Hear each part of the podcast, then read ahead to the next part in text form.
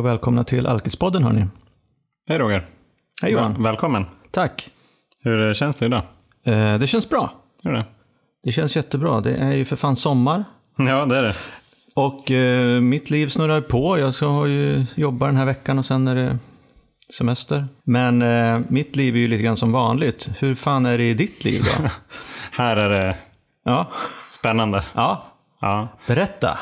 Nej, men det, det, det, så här, det, det mesta tas ju upp av det faktum att jag och Josefina blir föräldrar här nästa vecka. Ja, Ja, enligt plan ja. enligt plan, exakt. Och eh, så, så dels är det ju en massa eh, spänning och förväntan kopplat till det. Och en massa rädslor såklart. Och sen så ska man ju också tydligen då eh, hantera allt det här som ska göras innan det där händer. Eller som, som jag i alla fall tänker att jag måste hinna med Ja. innan eh, vår dotter behagar liksom komma på besök.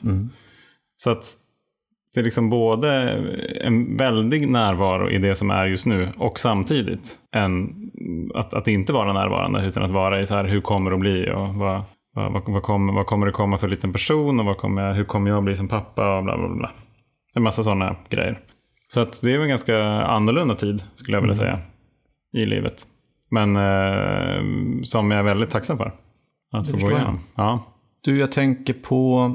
Jag har framför mig här en artikel från DN Ja. som publicerades på midsommarafton, lägligt nog. Mm. Vad handlar den om då? Den handlar om, ehm, den heter Varför blir vissa beroende av alkohol och andra inte?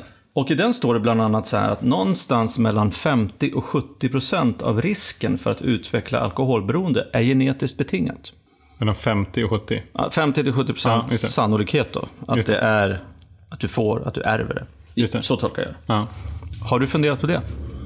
För din dotter? Är du rädd att föra sjukdomen vidare?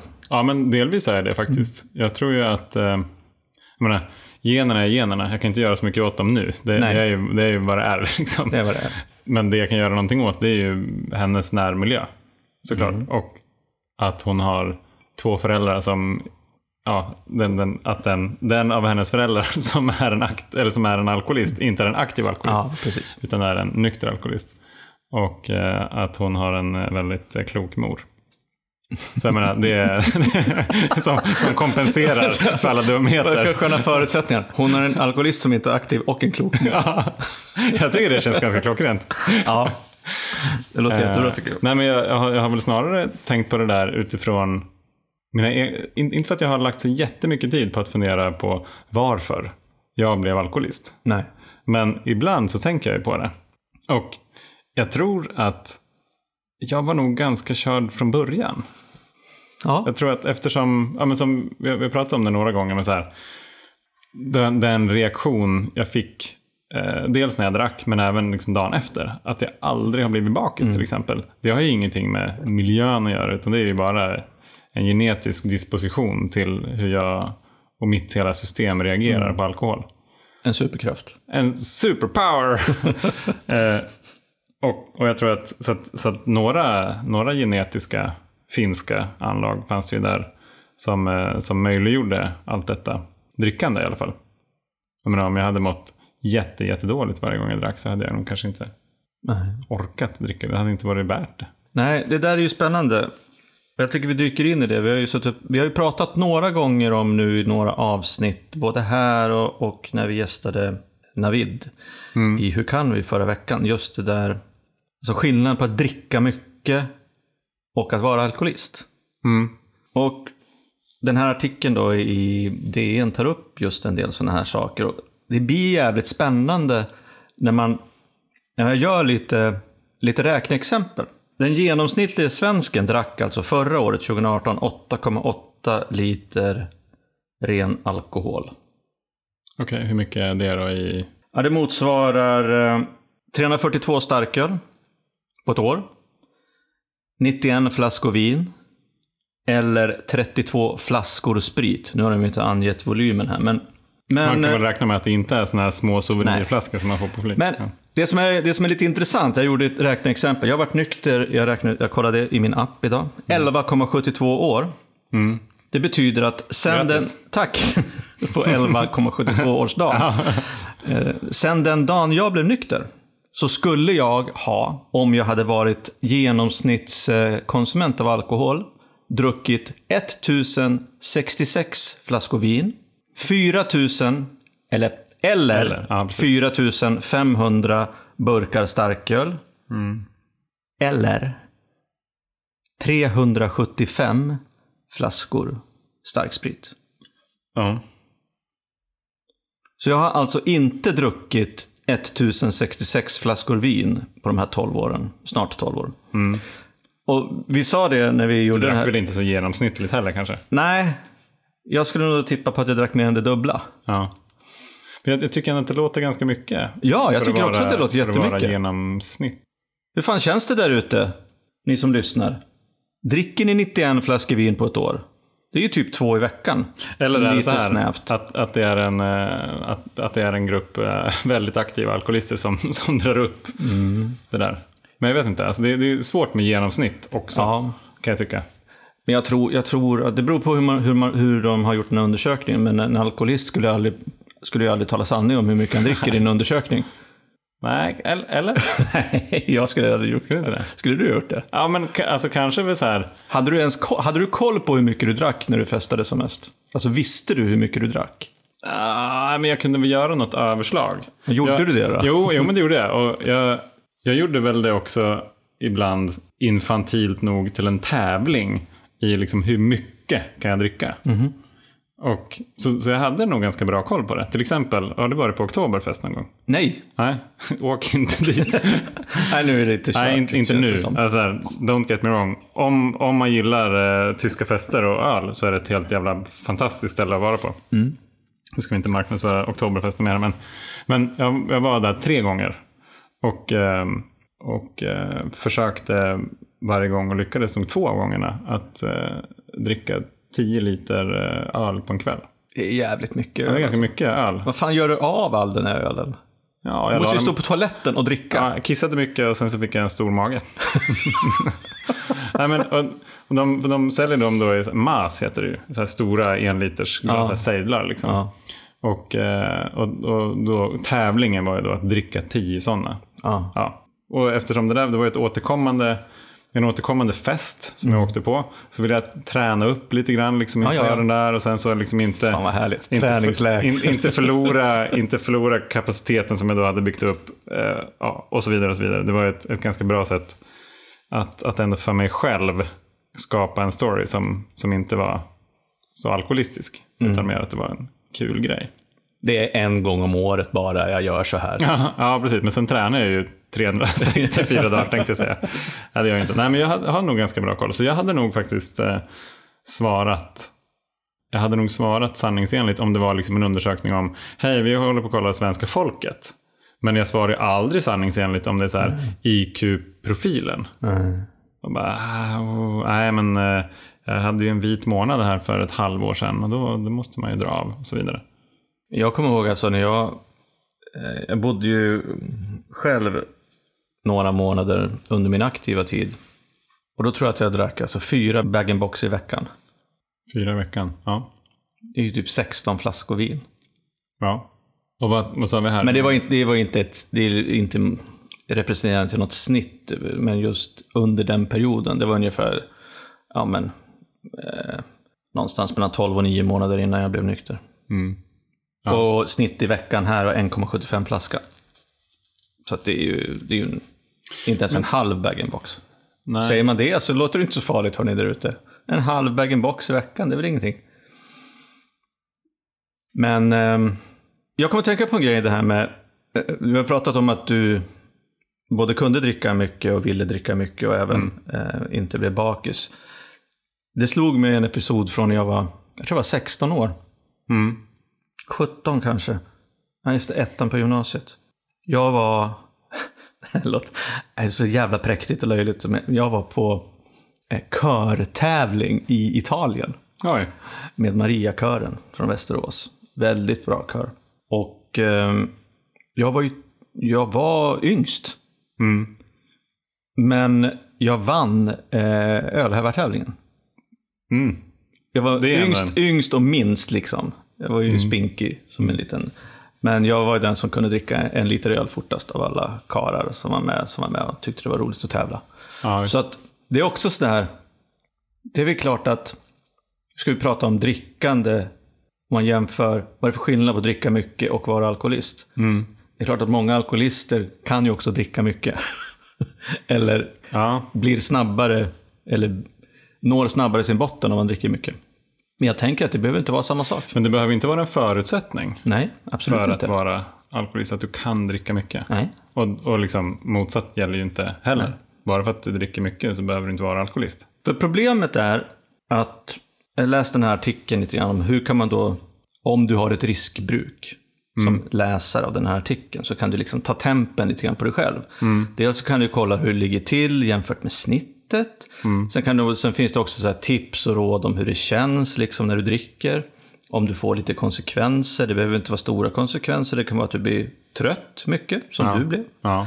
Att du, att du kanske inte har bra relationer och sådär. Men det är just det där att sen kommer det tips här som jag då som nykter alkoholist tycker är det är ganska naivt om man pratar med alkoholister. Det funkar kanske för stordrickare Mm. eller riskbrukare eller vad man nu vill kalla er. När har man ett riskbruk? Ja du, när har man ett riskbruk? Det är väl kanske om man, om man Står det någonting om det i artikeln? Ja, det står väl att... Eh, jo, i Sverige ligger gränsen idag på max 14 standardglas i veckan för män och 9 för kvinnor. Och ett standardglas typ en stark- motsvarar en 33 centiliter starköl. Ja. Okej, så om du dricker mer än 14 starköl i veckan? Om du dricker mer än två små burkar starköl om dagen, Om dagen? Ja, just det. Ja, det är bra. så eh, som man Mm. och dricker du mer än 1,2 burkar starköl om dagen som kvinna så är, då har du ett riskbruk. Ja. Enligt, eh, eller riskkonsumtion. Fast det finns också intensivkonsumtion. Det är fem standardglas eller fler vid ett och samma tillfälle för män och fyra glas eller mer för kvinnor. Och det är väl en vanlig fest? Ja, Fem det, 33 centiliter starköl. ja, det får man ju säga. Eller jag menar en vanlig förfest menar jag.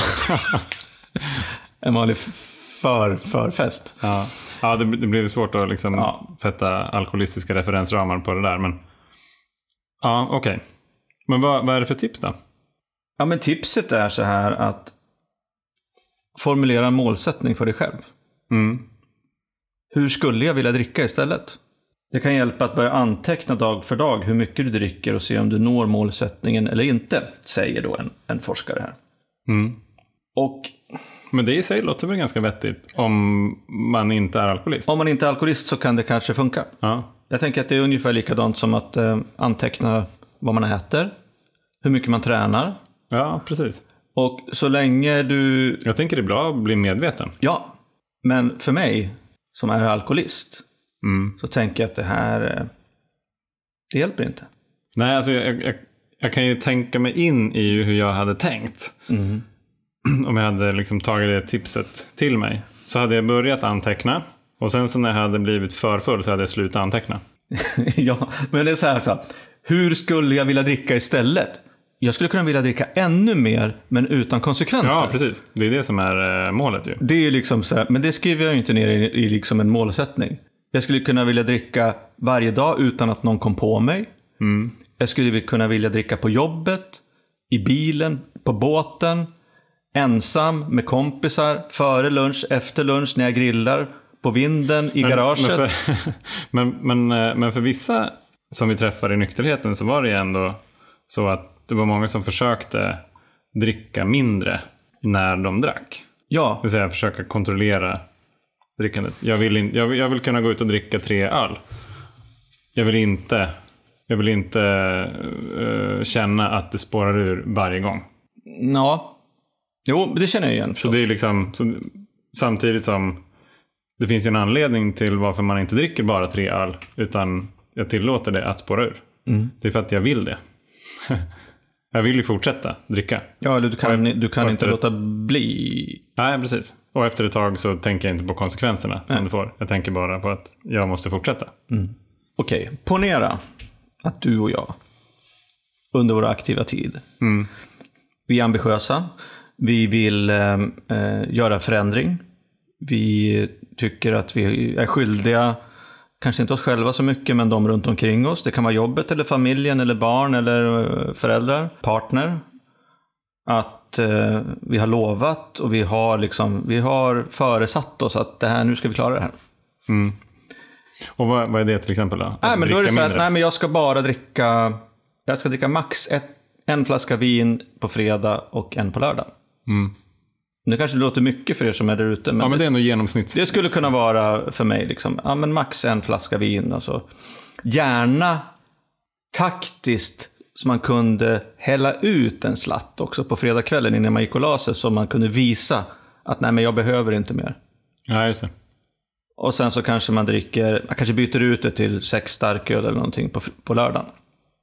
Eh, och det där skulle jag, jag tänker säga att jag skulle kanske, om jag ens hade tyckt att det var värt att göra det, så skulle jag förmodligen kunna, jag skulle kunna lova mig själv det där. Jag skulle kunna skriva upp det, jag skulle kunna ha en checklista på, liksom, på kylen hemma.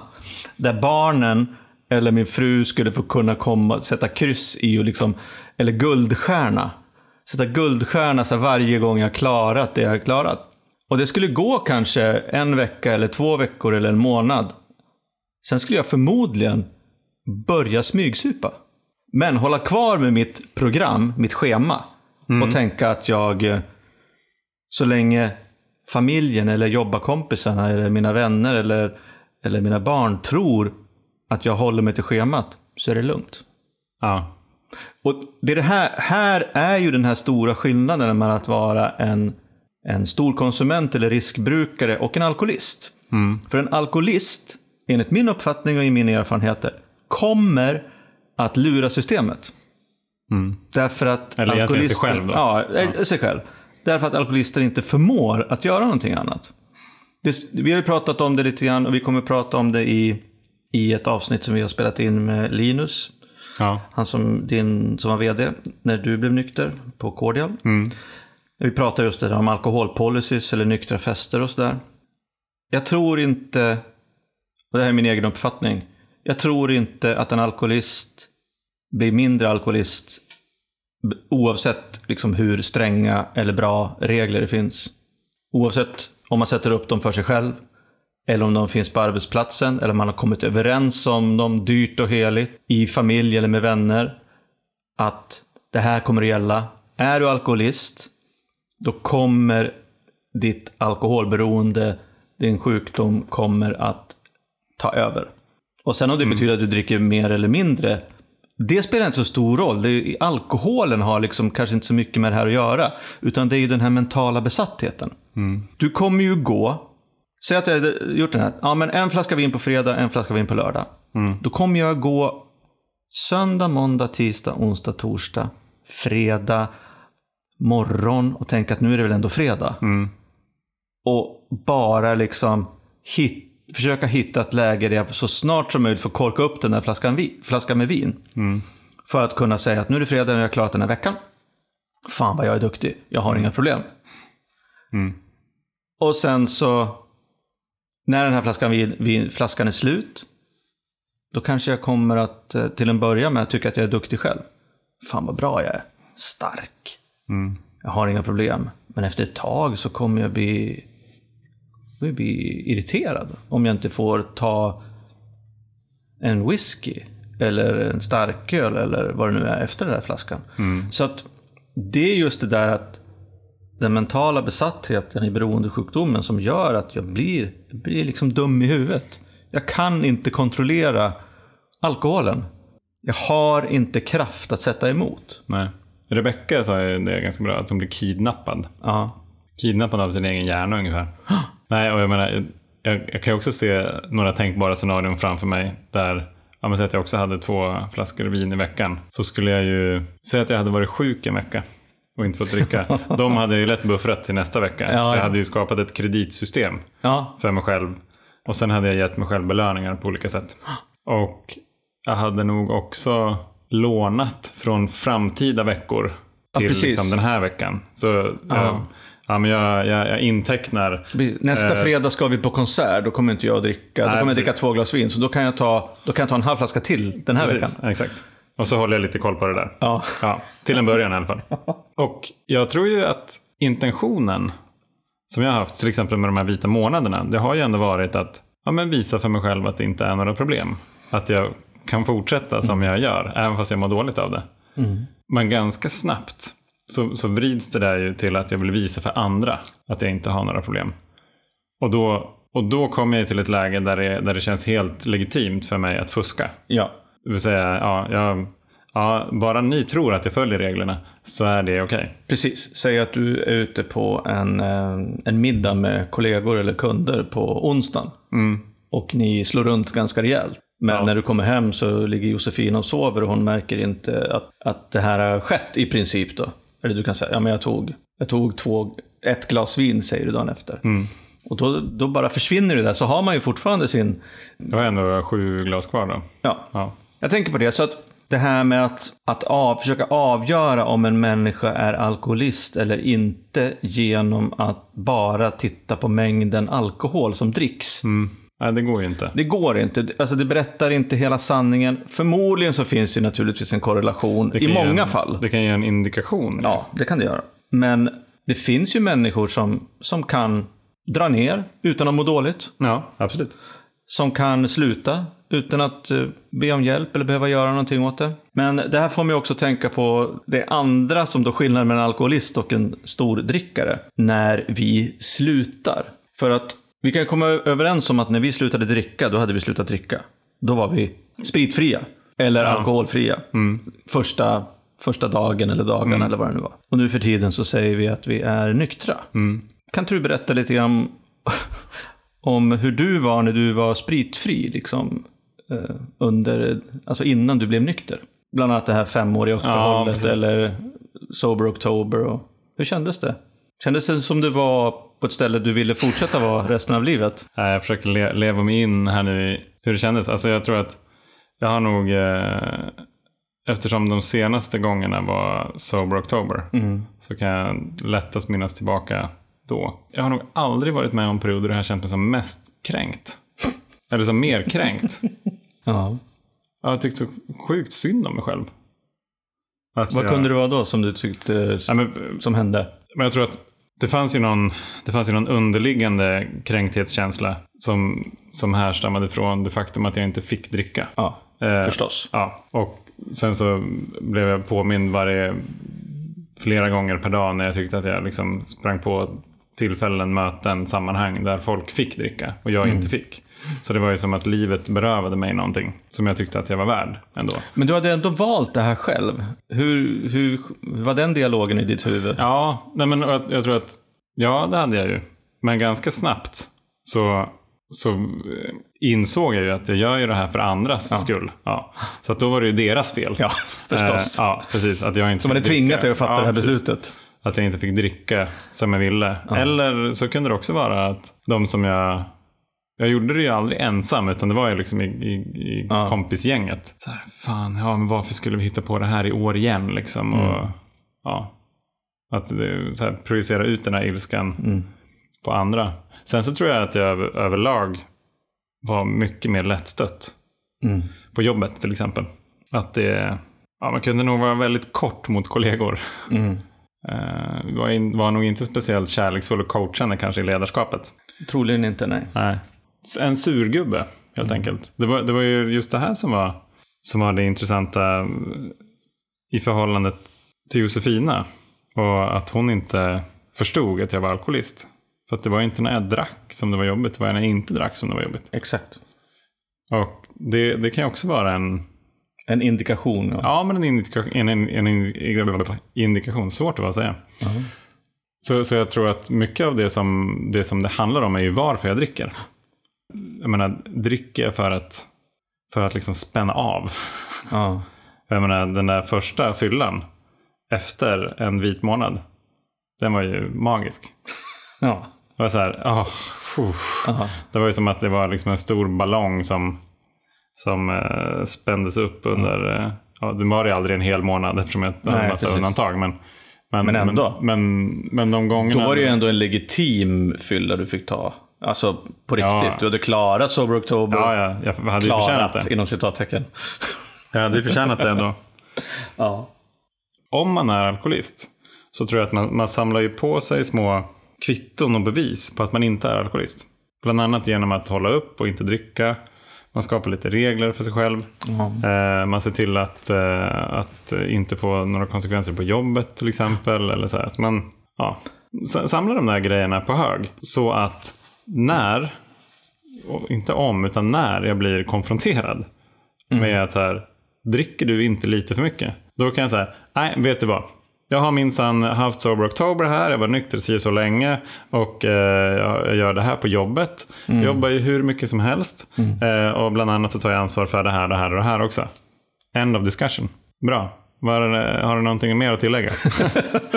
Nej, men det där är, det där är jätte, jättespännande. Och jag tänker så här att jag gjorde ju det också. Så samlade på mig bevis eller de här ja, men gångerna som jag inte blev avslöjad eller påkommen med att dricka eller när jag vaknade upp och jag kom undan eventuella grejer som jag hade gjort.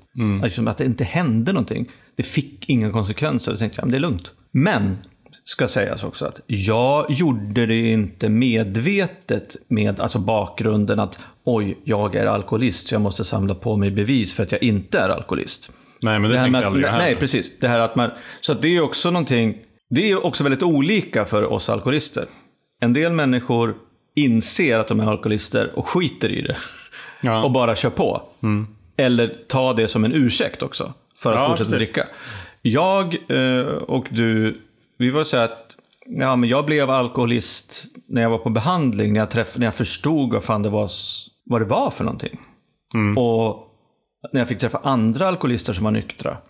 Det bara, det här, ni är som jag. Jag är som ni liksom. Då fattade jag att jag var alkoholist. Det hade man ju, jag hade inte ens skämtat bort det innan. Alltså. Det, hade, det fanns inte liksom i min, min, min, mina referensramar det där med att jag skulle vara alkoholist. Det var liksom en icke-grej. Det är ungefär som att, lika troligt som att jag skulle vara husvagnsägare. Kom tillbaka till de här husvagnarna. Ja, men- det, är- det är ungefär det. Alltså husvagn och husvagnssemester och husvagnsägare. Det, det, det, är liksom den, det är så mycket icke-frågor det kan bli för mig. Som, det, är som, det är det mesta. Det finns aldrig på kartan. Jag älskar det inte, jag hatar det inte, jag bryr mig bara inte om det. Nej. Så att, men det är, så jag tycker att det är ett väldigt bra exempel på, och liksom så här, ja men så, så är mitt förhållande till alkohol idag. Lika viktigt som att vara husvagnsägare exempel. Men en annan grej som jag tänkte på, Tänker mycket du Roger. Ja, jag tänker mycket. Jag tänker mycket när, när vi sitter här och pratar. Det är just det där att jag tänker mycket men det försvinner väldigt mycket för det kommer nya tankar hela tiden. och eh, jo, det jag tänkte säga det var just det där att, som vi var inne på, att ett, en indikation eller ett tecken på att du eller någon i din närhet har eh, beroendeproblematik. Inte att de dricker för mycket. Det är en helt annan sak. Det är hur den här personen är när den är nykter. Eller spritfri. När den, Ja, det är snarare hur reagerar personen när den inte får dricka. Snarare än hur den reagerar när den dricker. Så att det är också, om det är någon som blir väldigt eh, eh, ja, men defensiv eller provocerad av att inte få dricka, att inte få möjlighet att dricka. Ska det inte vara öl på den här lunchen? Eller nej, men om vi ska åka dit, om jag måste köra, då tänker inte jag följa med. Du får fan köra. Jag körde ju förra gången. Nej, du har aldrig kört. Ja, men typ. Alltså, ursäkter för att få möjlighet att komma åt att dricka eller att bli väldigt irriterad och spänd och fientlig när det börjar närma sig situationer där den här människan inte ska få en möjlighet att, att dricka. Och det behöver inte vara att man ska bli full. För mig var det inte så. Det var just den här ritualen, att få möjlighet liksom, att dricka. Ja, just det. Och gärna ta en, en, liksom en iskall innan man åkte hemifrån. Och sen bara fortsätta rulla på därifrån och se vad, vad kvällen tog en. Liksom. Men det var aldrig, alltså jag var aldrig ute efter, nej, aldrig ska jag inte säga, men när jag var ute efter och liksom dåligheter och galna grejer och gränslöshet, det var ju liksom när jag var ute på fest eller ute på just galenskaper. Det var ju inte så jättemycket på de sista åren. Mm. Då satt jag ju mest hemma, då ville jag ju liksom få dricka i fred bara. Och fick jag inte det, då blev jag förbannad, eller så drack jag ändå. Men det är som, jag åkte ju, jag skjutsade och hämtade min son från innebandyträningen liksom, med sprit i kroppen. Alltså det är ju helt oförsvarbart. Men det var mitt sätt då att hantera den situationen. Mm. För att om jag skulle vara tvungen att inte dricka en hel kväll, det fanns liksom inte på kartan. Så då valde jag istället att jag tyckte att det var bättre beslut att dricka lite i smyg och ändå Mm. skjutsa och hämta. Vad heter det? Vad, vad fanns det på den här kartan egentligen? Hur menar du? Nej, men jag tänkte, vi säger så här, det fanns inte på kartan. Att jag inte skulle få dricka? Nej, precis. Om, om, du, om man tänker sig liksom att kartan är någonstans det som vi tolkar Ja. den verklighet vi är nu genom. Vad, vad var det egentligen som fanns på den där kartan som vägledde Roger genom hans liv? Ja, men egentligen så var det så här. Sista tiden i mitt drickande, inte så väldigt lång tid, men, men sista ja, men dryga året eller ett och ett halvt år något sånt där. Mm. Då så var det så här att jag, mitt liv gick ut på att hitta situationer, stunder, möjligheter för mig att dricka. Mm. I princip. Allt jag gjorde var för att underlätta detta. Mm. Och när livet var emot mig, det vill säga när jag var tvungen att göra någonting som gjorde att jag inte skulle få dricka som jag ville. Jag behövde inte dricka kanske just då, men att någonting, något satte käppar i hjulen. Mm. Jag blev otroligt kränkt, precis som du var inne på. Mm. Fy fan. Och det var så här, kan du göra det här? Jag bara, ja det kan jag väl göra. Alltså, jag blev så otroligt irriterad och kränkt och satte på mig offerkoftan. Mm. Men så, ha, nu ska jag vara tvungen att åka liksom, till återbruket. Återvinningen till med de här grejerna. Helvete. Jag som hade tänkt liksom, ta två öl. Mm. Fan. Så jävla orättvist. Mm. Ja, ja, får väl göra det då. Då ska fan ingen komma och säga att jag inte ställer upp. Nej. Då har man ju förtjänat att fått. Då får man ju belöningen sen. Ja. Jag var jävligt otrevlig. Så ocharmig människa när jag drack. Ja. Eller ja, när jag drack och när, när jag var aktiv. När jag var nykter. Ja. När jag var spritfri. Det är ju som du säger, alltså det är just de här... Jag tänker på det alltså oavsett hur mycket jag hade druckit om jag hade fortsatt. Jag hade inte haft några relationer kvar. Jag, jag, fan, Nej. gick ju inte att vara med mig. Det enda jag tänkte på det var liksom att någon, ni får inte stå i vägen för mitt drickande. Mm. Nej, precis. Det, Och kunde jag inte få med er, ja, då fick ni liksom försvinna. Det, det, livet smalnar ju av ganska mycket. Ja, Och det är liksom fan, några det, få- blir- det är ju bara jävla tunnelseende. Det är några få övertygelser som är riktigt starka. Som, som liksom styr hela livet. Det vill säga en av dem är så här. Om jag inte får dricka så är livet inte bra eller kul eller Nej. värt. Och det som då är så jävla konstigt och eh, skrämmande, det är ju att ni som har lyssnat på min rant här nu de senaste minuterna, ni tänker så här, fan det, det där kan inte varit kul Roger. Nej, det var det inte. Men Nej. det var vad det var. Och det var det jag hade, precis som du är inne på.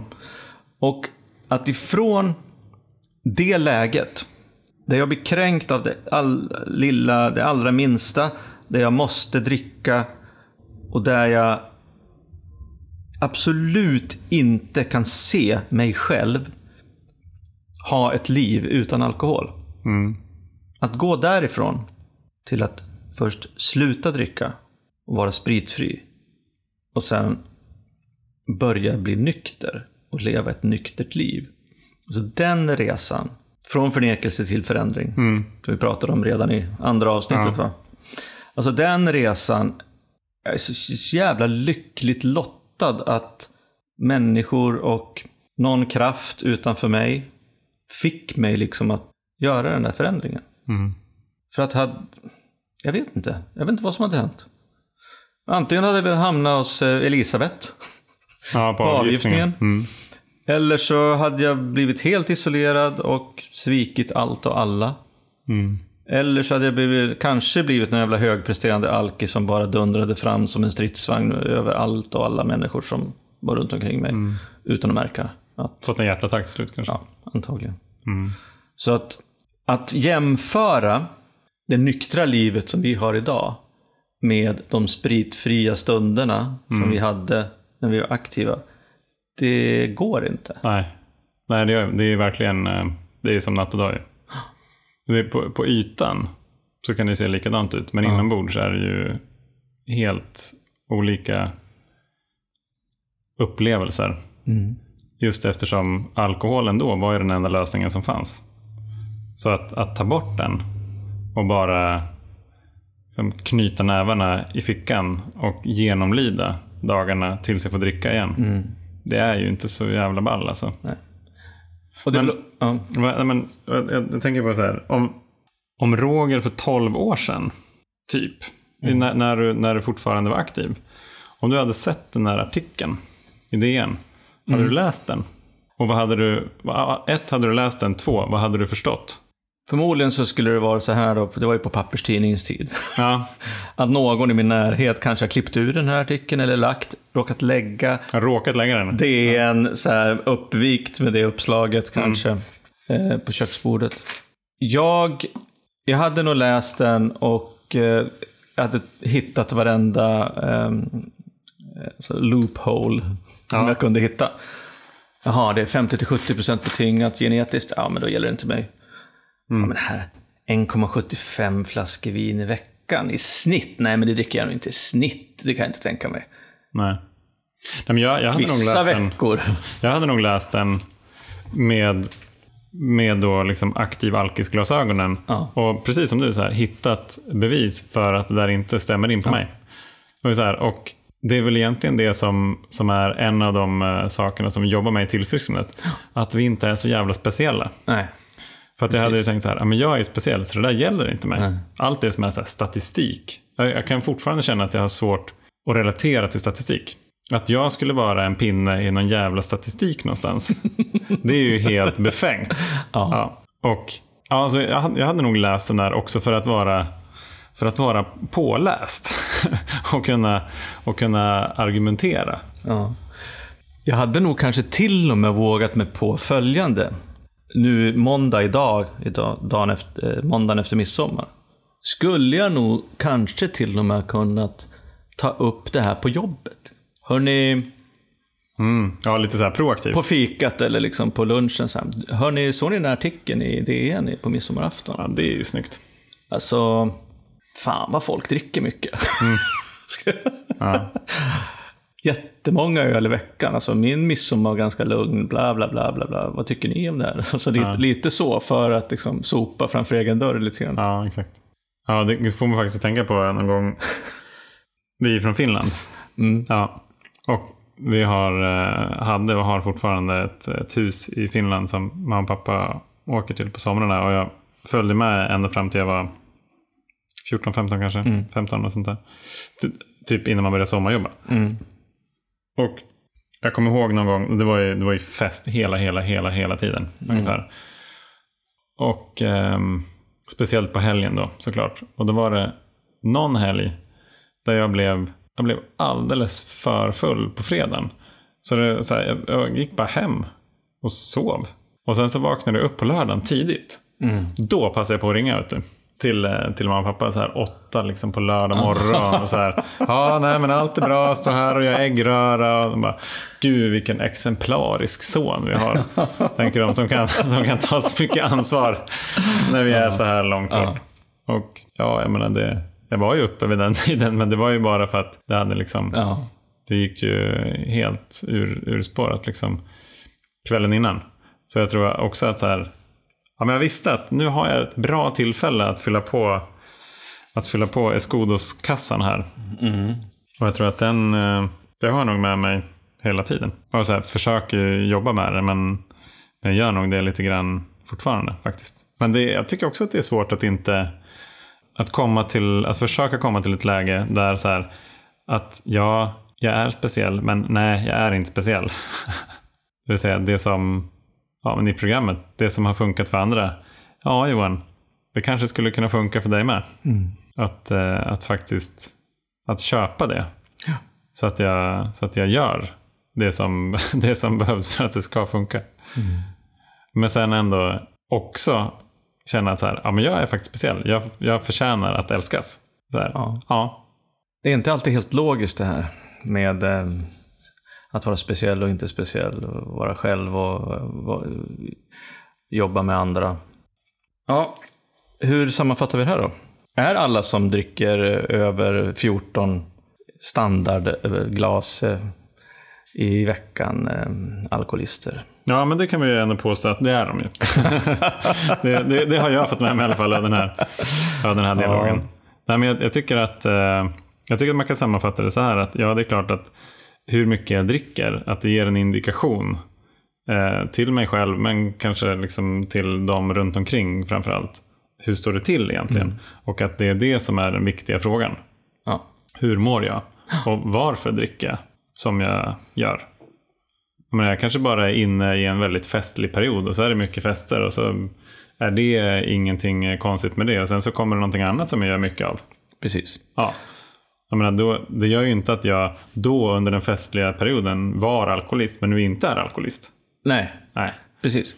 Nej, men det handlar jättemycket om eh, mående och eh, beteende och eh, jag skulle också vilja säga besatthet. Ja. För att om det är så att du eller någon i din närhet både sätter upp regelverk för hur mycket du ska eller inte ska dricka och ständigt bryter dessa regler.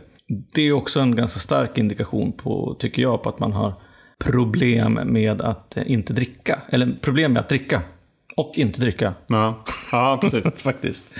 Men eh, Och också liksom tycker jag en så här, ett, test i en relation är så här, ja men ändra förutsättningarna en gång som gör att personen i fråga inte kan eller får dricka. ja, Och se vad som händer. Precis. Och ytterligare ett tips. Det är så här, om du märker att du eller någon i din närhet som har problem eller som dricker lite mycket väljer att försöka ändra på allting utom just drickandet. Då kan det också vara en indikation på. Mm. Att välja att börja tidigare eller senare eller dricka rött istället för vitt eller dricka eller äta före eller innan eller ja, och så vidare. Om man försöker manipulera omständigheter och eh, Joxa. joxa, Mm. då kan det vara så att man dricker lite mycket också. Vad heter det? Jag har en fråga. Ja, Fick du några fysiska konsekvenser av drickandet? eh, ja. Typ levern eller Nej. magen eller någonting? jag råkar ut för en del olyckor. Ja. Både på cykel och eh, ramla omkull, brutit nyckelbenet på två ställen. Mm. Eh, skur upp knäna, slagit i huvudet. Mm. Men det var ju på alltså, ungdomlig dumfylla. Ja, så att jag tog ju inte det som något nå tecken på att, jag, att alkoholen var farlig. Nej. För jag gjorde ju illa mig även på idrotten i skolan och Mm. när jag spelade fotboll liksom, med kompisarna. Så att det var ungefär på samma nivå. Men annars så, nej inte direkt. Det var inte så att det var några kroppsliga organ som började Nej. liksom ge med sig? Det hade nog blivit det. Jag var ju så jävla plufsig på slutet. Ja. Innan jag slutade. Så att det var nog mer, mer öl och vin än blod i omlopp kändes det som. Ja. Jävligt ofräsch. Men för jag kommer ihåg, jag gick, eh, kommer inte riktigt ihåg varför. Jo, jag hade nog, eh, jag hade pajat handen. och så gick jag till en, eh, till en akupunktör. En eh, man som utbildade kinesisk medicin. Mm. Och det var på tiden jag var aktiv, det var väl två, två år innan jag slutade kanske. Och då eh, sa han, ja men sträck ut tungan. Jag bara, ja men jag har ont i handen, vi behöver inte sträcka ut tungan. Ja men sträck ut tungan. Så gjorde det i alla fall och så kollade han eh, ögonen och lite grann sådär. Så han, ja men du, liksom, din, eh, här, du, du dricker för mycket. Och jag bara, Va? Vad fan är det? Vad är ont i det- handen. Vad, vad, är det här nu då? Och tyckte han så här, ja men om hela kroppen är i obalans, det är klart att du, liksom, det kommer ut ont någonstans. Ja, sådär. Men då i alla fall så bad han mig att eh, gå och göra ett leverprov. Kolla hur det står till. Och eh, då, då gör jag det. Ganska motvilligt. Men jag tänker också så här, jag kan ju inte, kan inte måla in mig själv i ett hörn och säga så här, nej men det behöver jag inte göra. Vad vet jag om det? Jag får väl bara göra det så ser jag vad som kommer därifrån. Och då eh, vet inte vad det är för skala på det här provet i alla fall. Men jag är precis under liksom, nivån där det är liksom, leverskada. Mhm. Och eh, dels så tänker jag så här, yes, jag, I'm in the clear. Det, det är lugnt. Jag kan, eh, ja. jag kan i princip, jag får väl någon så här, oh det där kanske inte var så bra. Men tänkte jag, ja men det var ändå under. Ja. Ja. Och Sen tyckte jag också att det var lite konstigt här i efterhand att sjukvården sa ingenting mer än att så här, ja, nej men du är precis under liksom gränsen där det är kritiskt. Och sen så, ja, så Mm. gör vi ingenting mer om det. Det, finns, det fanns inget förebyggande, det fanns ingen, ingen dialog kring så här, du kanske borde dricka väsentligt mindre än vad du gör. Eh, för annars så kommer det här värdet att vara eh, kritiskt och då är det liksom fara för... Men det, men det är ungefär som att testa kolesterolen liksom. Alltså kolesterol, ja, du kanske ska äta Ja. mindre av vad det nu är, ägg eller smör eller vad det nu är för att du har lite hög, högt kolesterolvärde. Det får man ju, sådana tips får man ju när det är vanliga eller normala sjukdomar. Så att jag menar, Ja, om man, ja, har man höga levervärden borde man ju få, få förhållningsregler om inte annat. Ja, och i alla fall då var det, det, var, det fanns inget sånt då. Jag vet inte liksom hur det är nu, men, men jag tycker att det borde vara en del av det. Om man ser att det är liksom farfärde med levern. Ta för fan två minuter eh, diskussion med en patient så att hen inte kommer tillbaka när levern är paj. Ja, det kanske är, en, det kanske är den konsekvensen som man behöver för att eh, inse att det jag gör skadar mig själv. Och så är det ju, jag menar, ett, eh, en, en stor konsumtion av farliga grejer som alkohol kan ju leda till både fysiska skador och psykiska men, men även massa konsekvenser. Ja. Utan att du eh, behöver vara alkoholist. Nej, precis. Men är du däremot alkoholist så kanske du kan känna igen dig några av de här tankesätten som vi har haft idag. Visst, gör din lista du. Ring oss sen när du inte håller det du, har, det du har sagt att du ska göra. Ring oss sen när du känner att du blir kränkt för att du inte får dricka. Och ring oss sen när du känner att fan, det kanske inte är så jävla kul det här ändå. Det, här, det här nyktra livet som jag hör Johan och Roger prata om, det kanske vore värt att testa ändå. Ja. Och om du lyckas med den här listan, good for you. Ja. Då är du förmodligen inte alkoholist. ja, Det är om detta. det är om detta.